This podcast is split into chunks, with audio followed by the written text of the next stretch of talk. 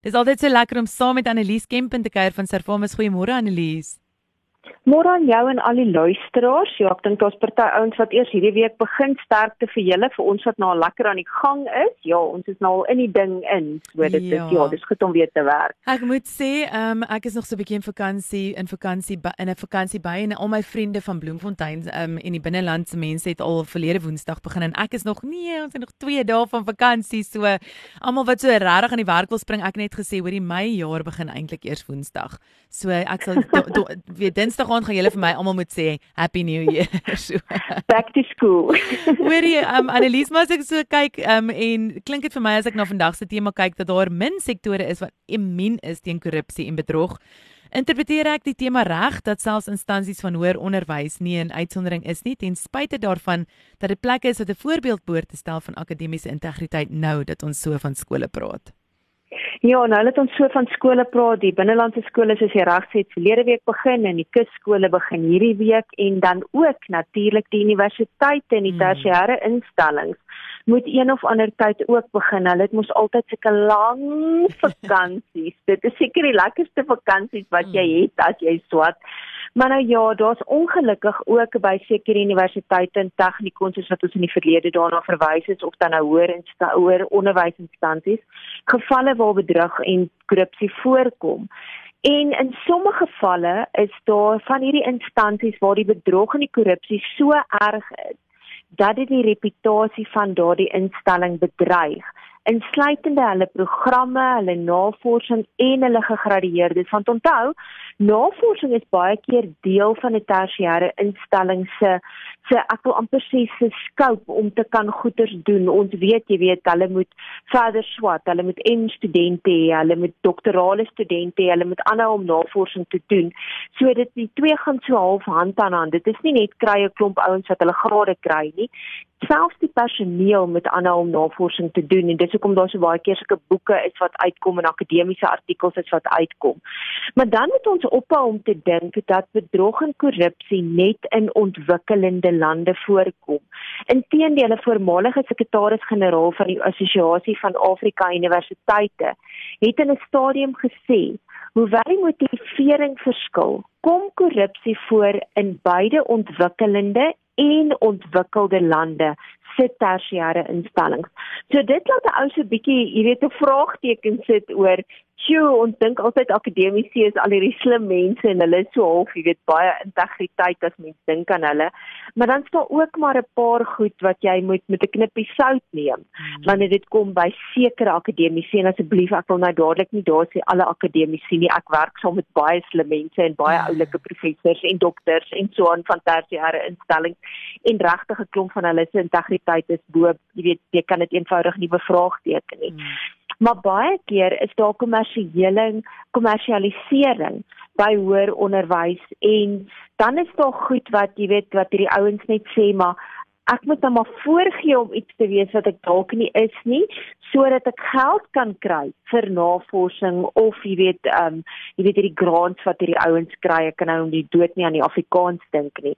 En dan is daar ook in sekere ontwikkelende lande waar dit voorkom asof daar geld betaal word vir ouens om toegang te kry tot daai universiteit al voldoen hulle nie aan die kwalifikasies nie. Um jy weet ek het, ek weet ons het in 'n stadium met ons artikel gedoen so jare wat gelede waar daar in van in Amerika se uh, universiteite het van die ouens ongelooflik goed gedoen in sportprogramme maar hulle akademie was pateties geweest en dan het die ouers eenvoudig geld betaal sodat die kinders kan inkom en van daai ouers en van die ouens wat by die universiteit is uiteindelik tot tronkstraf gefonnis omdat hulle die toelatingsvereistes eenvoudig geïgnoreer het. So dit wil eintlik vir ons voorkom dat bedrog en korrupsie glad nie so abnormaal is by sekere hoër onderwysinstansies reg oor die oor die wêreld nie en dit kan ook insluit dat op dat hulle op 'n politieke manier gekaap is dat daar gunstelinge kan wees met die toegangsvereistes jy weet veral soos wat nou gesê het as die ouers bietjie geld betaal dat daar akademiese oneerlikheid is en dat ook van die navorsingsresultate vervals kan word by van hierdie instellings. Ja, Annelies, dit is nogal skrikwekkend om te hoor dat dat navorsingsresultate by universiteite vervals kan word. Hoe gebeur dit en wat is die moontlike implikasies daarvan? Ja, dit is nogal want baie keer word van hierdie navorsingsinstansies se of navorsingsresultate in van hierdie geakkrediteerde joernale gepubliseer en dan hoor ons nou en dan daarvan oor die nuus. En dan dink ons nou as ons hierdie goeie hoor, sjoe, maar wat kan ons glo in die toekoms? En daar's twee kante van hierdie forme van die bedrog. Die een is vervalsing en die ander een is fabrisering. Nou as ons verwys na vervalsing, dan kyk ons na die manipulasie of verandering wat aan data gemaak word wat ingesamel is om verkeerde navorsingsuitslag te verteenwoordig. Met ander woorde, dit kan gedoen word waar die navorsing 'n sekere resultaat wil bereik en as die navorsing nie 'n teorie ondersteun nie, dan sal baie van hulle eenvoudig nie skroom om daai data te manipuleer ten einde die vervang verlangde resultate bereik nie. En dit is nie altyd so maklik om hierdie vervalsings uit te ken nie, veral as dit so skrikkelike gedetailleerde wetenskaplike navorsing is en en eksperimente wat gedoen word wat nie ek of jy wat gewone mense is ons breine kan omsit by al hierdie x'e en y'e en jy weet dit is soveel syfers en dit punt dit en punt dat en dan is dit baie moeilik om uit te ken wat is gemanipuleer of wat is vervals. Maar daar was byvoorbeeld die Britse Mediese Raad wat byvoorbeeld 'n dokter van hulle mediese rol geskraap het nadat hy die verslae ten opsigte van die verband tussen die um, inenting teen masels, van puntjies en Duitse masels en outisme vervals het. En weer eens is 'n aanvanklike navorsing in een van die bekende mediese joernale gepubliseer wat uiteindelik daartoe gelei het dat daar 'n groot wêreldwye daling was in terme van inenting en uiteindelik het dit gelei tot 'n groot uitbraak van masels in Europa, Australië en VSA. Want die ouers of die, wat die media berigte hieroor gesien het, het gesê, "Maar ek gaan nie my kind in teen masels of pampoentjies of Duitse masels nie, of ek is dalk self daarteen ingeënt en in die toekoms kan dit daartoe lei dat ek 'n kind het wat met outisme gebore word." En uiteindelik toe hierdie goeters nou aan die lappe kom dat hierdie dokter dit vervals het, het die het die het die um, regerings in daai lande gesê maar dit is vervals asseblief mense julle moet aanhou om julle kinders in te in te in te hierdie goeders en as julle dit nie gaan doen nie gaan ons julle eenvoudig beboet want dit kan lei tot hierdie groot uitbrake wat dit ook daartoe gelei het. So dit was nogal 'n skrikwekkende realiteit wat baie mense mee gekonfronteer is. En aan die ander kant is daar dan hierdie fabrisering van navorsingsresultate wat as die waarheid verklaar het er, of verklaar word en daar was byvoorbeeld weer eens 'n dokter hierdie keer in Japan wat in 'n 18 jaar periode meer as 200 akademiese artikels gepubliseer het wat gefokus het op die impak van medikasie om naait te voorkom na afloop van 'n operasie en ek dink baie ouens wat hulle operasie gehad het sal weet wat hoe sukkel mense met sekere neeweffekte, jy weet na narkose en seker tipe van goed. Hmm. Maar die ondersoek wat hier geloods is, het uiteindelik getoon dat hy die resultate van 170 van sy studies gefabriseer het. Ge gefabriseer het. So dit is nogal skrikwekkend. Hmm. Nou baie ouens kan sê maar hoekom wil jy dit doen? Jy weet hoekom wil jy hierdie tipe van goeders uit jou duim uitsuig? Nou dit kan onder andere wees omdat daar gebrek was aan morele morele ondersteuning vanaf die instansie wat hierdie navorsing gevra het gedoen moet word. Daar's baie keer lae vergoeding van veldwerkers wat eenvoudig sê ag man ek maak sommer my eie data op want ek kry net R10 per dag of R10 per jy weet ehm um, sogenaamde persoon wat ek met 'n onderhoud voer of daar's dikwels ook politieke omstandighede in sekere lande waar dit baie moeilik is vir veldwerkers om die data in te samel en dan sê hulle maar ons kan eenvoudig dit nie doen nie so ek gaan fabriseer sekere van hierdie data. Nou beide hierdie vorm van data af van navorsingsbedrog het verrykende gevolge en uiteindelik soos wat ons gesien het byvoorbeeld met hierdie masels outisme inenting goed kan dit skadelik wees vir jou en my lewe en is dit nodig dat ons moet weet as hierdie tipe van goeters gebeur. Ja, verseker, maar jy het vroeër genoem dat hierdie vorm van akademiese bedrog nie uniek is aan een deel van die wêreld nie. Maar het ons 'n idee van hoe wyd dit voorkom en watter tipe straf aan die skuldiges opgelê word indien hulle gevang word? Ja, daar was nog al 'n studie wat so nie te lank terug nie, so basies so 2 jaar terug gedoen is in Nederland tussen Oktober en Desember 2020, waarin 6800 navorsers deelgeneem het van 22 universiteite. So dis nie sommer net 100 ouens wat gevra het nie, 6800 navorsers en 8% van hulle het erken dat hulle reeds in hulle lewe in hulle akademiese lewe data vervals of gefabriseer het tussen 2017 en 2020. Nou ek het nie gaan uitwerk hoeveel dit is nie, maar 10% van 6800 is 680 navorsers. So dit beteken dis oor die 600 navorsers wat hulle data gefabriseer het. En dit is nogal vir my skerry om te dink. In 'n land soos Nederland, dis 'n eerste wêreldse land. Dis nie sommer 'n hierdie eilandjie wat ons nog nooit van gehoor het nie. En dan is daar ook meer as 10% van mediese en wetenskaplike navorsers wat erken het dat hulle al 'n vorm van bedrog gepleeg het. En as hulle uiteindelik uitgevang word, sal hierdie navorsers tipies skuldig bevind word aan wetenskaplike wangedrag. Hulle kan tronkstraf opgelê word afhangende van die land waar dit is en baie van hulle word dan ook verbied om ooit weer in 'n lewe navorsing te doen. Nou in 2013 was daar die eerste persoon in Brittanje wat tronk toe gestuur is in terme van hulle wetenskaplike veiligheidswetgewing omdat hy die resultate van 'n eksperiment gemanipuleer het sodat dit gelyk het asof dit suksesvol was terwyl dit eintlik gefaal het. Nou die regter wat hom tronkstraf opgedien het, het vir hom gesê Jy weet dit is absoluut absoluut skrikwekkend dat hy hierdie tipe van goed gedoen het want sy navorsing het te doen gehad met kankerpasiënte en medikasie wat op kankerpasiënte gebruik moes word. Maar wat so skrikwekkend was in hierdie geval is dat die regter hom net 3 maande tronkstraf kon oplê, nie wou oplê nie, kon oplê as gevolg van die wetgewing in daai land. En dit het hy eenvoudig gesê, jy weet, as hy kon, sou hy dit baie langer gedoen het as gevolg van die impak wat hierdie medikasie op hierdie kankerpasiënte gehad het. In Suid-Afrika was daar in 2014 'n geval van twee um akademici wat wat gesteek is, nogal 'n man en 'n vrou omdat hulle navorsingsresultate vervals en gemanipuleer het wat ook in akademiese joernale gepubliseer het en beide van hulle het na Indië gevlug voordat hulle skuldig bevind kon geword het. Nou die implikasie van sulke vervalste of gefabriseerde navorsing is dat dit 'n direkte invloed kan hê op mense se lewe, baie keer medikaal, jy weet negatief.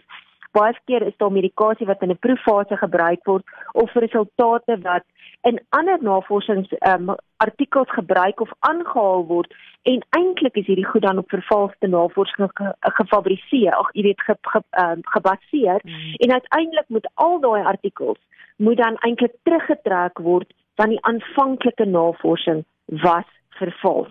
Jy weet so dit het 'n uh, impak op mense se lewens en dit het 'n impak op akademici wat goed skryf wat dan eintlik op vervalste goed gepubliseer, uh, jy weet, goed gaan publiseer terwyl dit eintlik nie die waarheid is nie. So dit het verrykende gevolge wat wat ek en jy nie eens altyd aan kan dink nie. Ja, dis soos 'n sneeubal, as ek weet kan mense dan mm. oor dink, maar ek dink ons tema van vandag verwys ook na korrupsie in akademiese kringe. Waar kom dit oral voor? Jy weet van die groot probleme hierby kom in by lisensiering en akkreditasie van instellings en veral wanneer dit kom by privaat tersiêre instellings. Jy weet ons is gewoond aan ons groot universiteite byvoorbeeld in Suid-Afrika waarvan ek nou nie hoef name te noem nie. Almal kan dadelik dink aan sommer 10. Jy weet en ons dink outomaties nee maar alles is oukei. Maar daar's soveel privaat instellings daar en die probleem kom dikwels by hulle akkreditasie en lisensiering in en natuurlik ook by die programme wat hulle dan aanbied. En as ons nou dink ons staan aan die begin van 'n nuwe akademiese jaar waar ouers nou wanneer die matriekresultate hierdie week dink ek vrygestel word, hulle kinders moet inskryf by goeders, dan is dit baie belangrik dat hulle hulle huiswerk moet doen om vas te stel of daai akademiese instelling vir alle tersiêre vlak geakkrediteer is voordat jy duisende rande gaan betaal vir 'n kwalifikasie wat uiteindelik dalk waardeloos gaan wees. So as ons praat van akkreditasie dan verwys ons na stigting, status, legitimiteit, van daai instelling, die program, die metode van studie en die algemene eksterne kwaliteitsversekering in hoër onderwys. En dit is baie belangrik dat ons moet probeer vasstel en ek sal aan die einde telefoonnommer gee vir ouers weet om om te gaan kyk wat wat kan hulle bel om seker te maak daai instansie is geakkrediteer. Is daai plek se programme geakkrediteer? Is dit op standaard? Is die personeel goed opgelei? Ek weet ehm um, het hulle omkoopgeld om geakkrediteer betaal om geakkrediteer te word. Want as hulle het, dan moet hulle uiteindelik hulle toelatingsvereistes verlaag en beteken dit dat hulle studente gaan toelaat wat eintlik nie toegang behoort te kry nie? Veral as ons gaan kyk na weet kwalifikasies soos medies of ingenieurswese of aptekerswese of goed wat jy regtig moet ernstig kwalifiseer nie net vir 'n gewone BA graad of 'n BCom graad en daarteer en daarmee skiet ek dit nie af nie. Ek het self 'n BA graad. Jy weet maar daar is 'n klomp goeders waarna jy moet gaan kyk. Dan tersiêre instellings wat kwalifikasies bied wat beide lisensiering of sertifisering vereis van professionele liggame soos ingenieurs of mediese praktisyns is hulle behoefte aan akkreditasie hoër wat ongelukkig ook die risiko vir korrupsie verhoog om geakkrediteer te kan word. Ja, ek dink op daai eh, weet op daai trant Annelies, wil ek weet watter raad is daar dan vir voornemende studente en hulle ouers om vas te stel of hulle by 'n geakkrediteerde instelling wil studeer of gaan studeer voorby hulle aansoek gedoen het? Ja, ek dink die belangrikste is daai instelling moet by die departement van hoër onderwys en opleiding geregistreer wees en 'n sertifikaat hê wat die detail van die kampus en die kwalifikasies wat hulle bied wys. So as 'n ouer het jy die reg om dit te vra en te gaan kyk op hulle webwerf daarvoor is hulle geakkrediteer by die departement van hoër onderwys. Daar staan gewoonlik DHET en dan gaan jy gaan kyk daarna. Dis ook belangrik om te kyk of die kursusse wat jou kind, kind wil doen of die kwalifikasies wat hulle wil voor inskryf of dit op die sertifikaat is. Dan moet hulle natuurlik ook NQF of nasionale kwalifikasie raamwerk identiteitsnommers hê ten opsigte van die kwalifikasies wat hulle, jy weet, sê hulle aanbied, het sy dit nou ingenieurswese of medies of jy weet ehm um, wat ook al is ek gebruik nou daai twee sommer as as twee voorbeelde mm. en dan is dit ook belangrik dat hulle gekwalifiseer dat hulle kwalifikasies by die Suid-Afrikaanse kwalifikasie owerheid of swak ehm um, geregistreer moet wees. So jy moet geregistreer wees by die departement van hoër onderwys. Jy moet 'n NQF identiteitsnommer hê en jou kwalifikasies moet by SAQA geakkrediteer en geregistreer wees. En dan alle future education and training colleges of die ehm um, die wet colleges en die uh FET colleges moet by Umalusi geregistreer wees. Nou daai telefoonnommer as jy wil navraag doen, ek weet nie hoe lank dit jou gaan vat om om te deur te kom nie, maar ek gaan nog steeds die nommer gee, is 0800 872 222. 0800 872 222 of dan 'n landlyn nommer 012 312 6300 waar jy kan uitvind by die departement van hoër onderwys of daai instansie geakkrediteer is, maak nie saak of dit 'n privaat kollege is of 'n gewone universiteit soos wat ek en jy dit ken nie. Ja, yes Annelies, hierdie is baie waardevol en ek, ek meen dit kan mense honderde duisende rande spandeer mm. en tyd. Ek gaan gou weer daai twee telefoonnommers gee, dis 0800 872 222 of dan 'n landlyn 012 312 6300. Dankie Annelies, ek is bly ek hoef nie ek ek ek moet weer bietjie swat. Ek gaan ek het so 'n bietjie 'n nuwe career change wat ek um, van hierdie week af ekstra by doen, so ek gaan nêrens heen op die lig nie. Maar dit dit vereis dat ek nou weer moet begin leer, maar dit is toe nou nie so maklik op my ouderdom nie.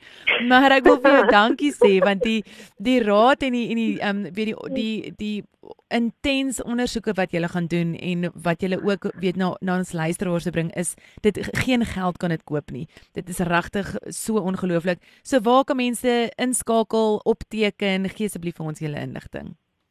Ja, daar's wel so R28 'n maand wat jy hierdie inligting kan gee. Dis as jy inskryf vir die digitale weergawe van Performance, maar nou ja, dit kan jou duisende rande spaar as jy by die verkeerde instelling gaan registreer en op die ou ende beteken jou kwalifikasie vir jou niks nie.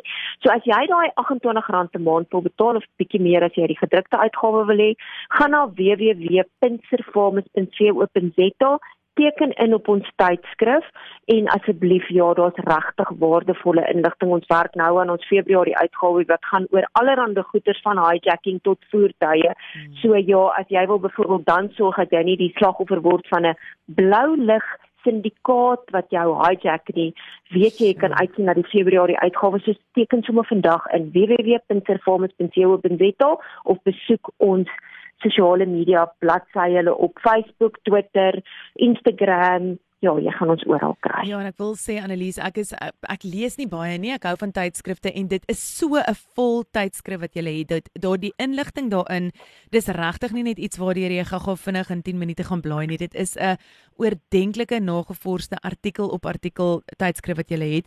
Ek ek's nog ou skool, so ek hou daarvan om hier weet die dit in my hand te hê. So ek gaan regtig die mense aanbeveel gaan kry vir jou skakel in, maak seker jy teken op en ja, gee sommer vir iemand 'n verjaarsdag geskenk wat weet wat van al die goedjies hou en teken in dit. Ek dink dis 'n fantastiese geskenk vir die jaar.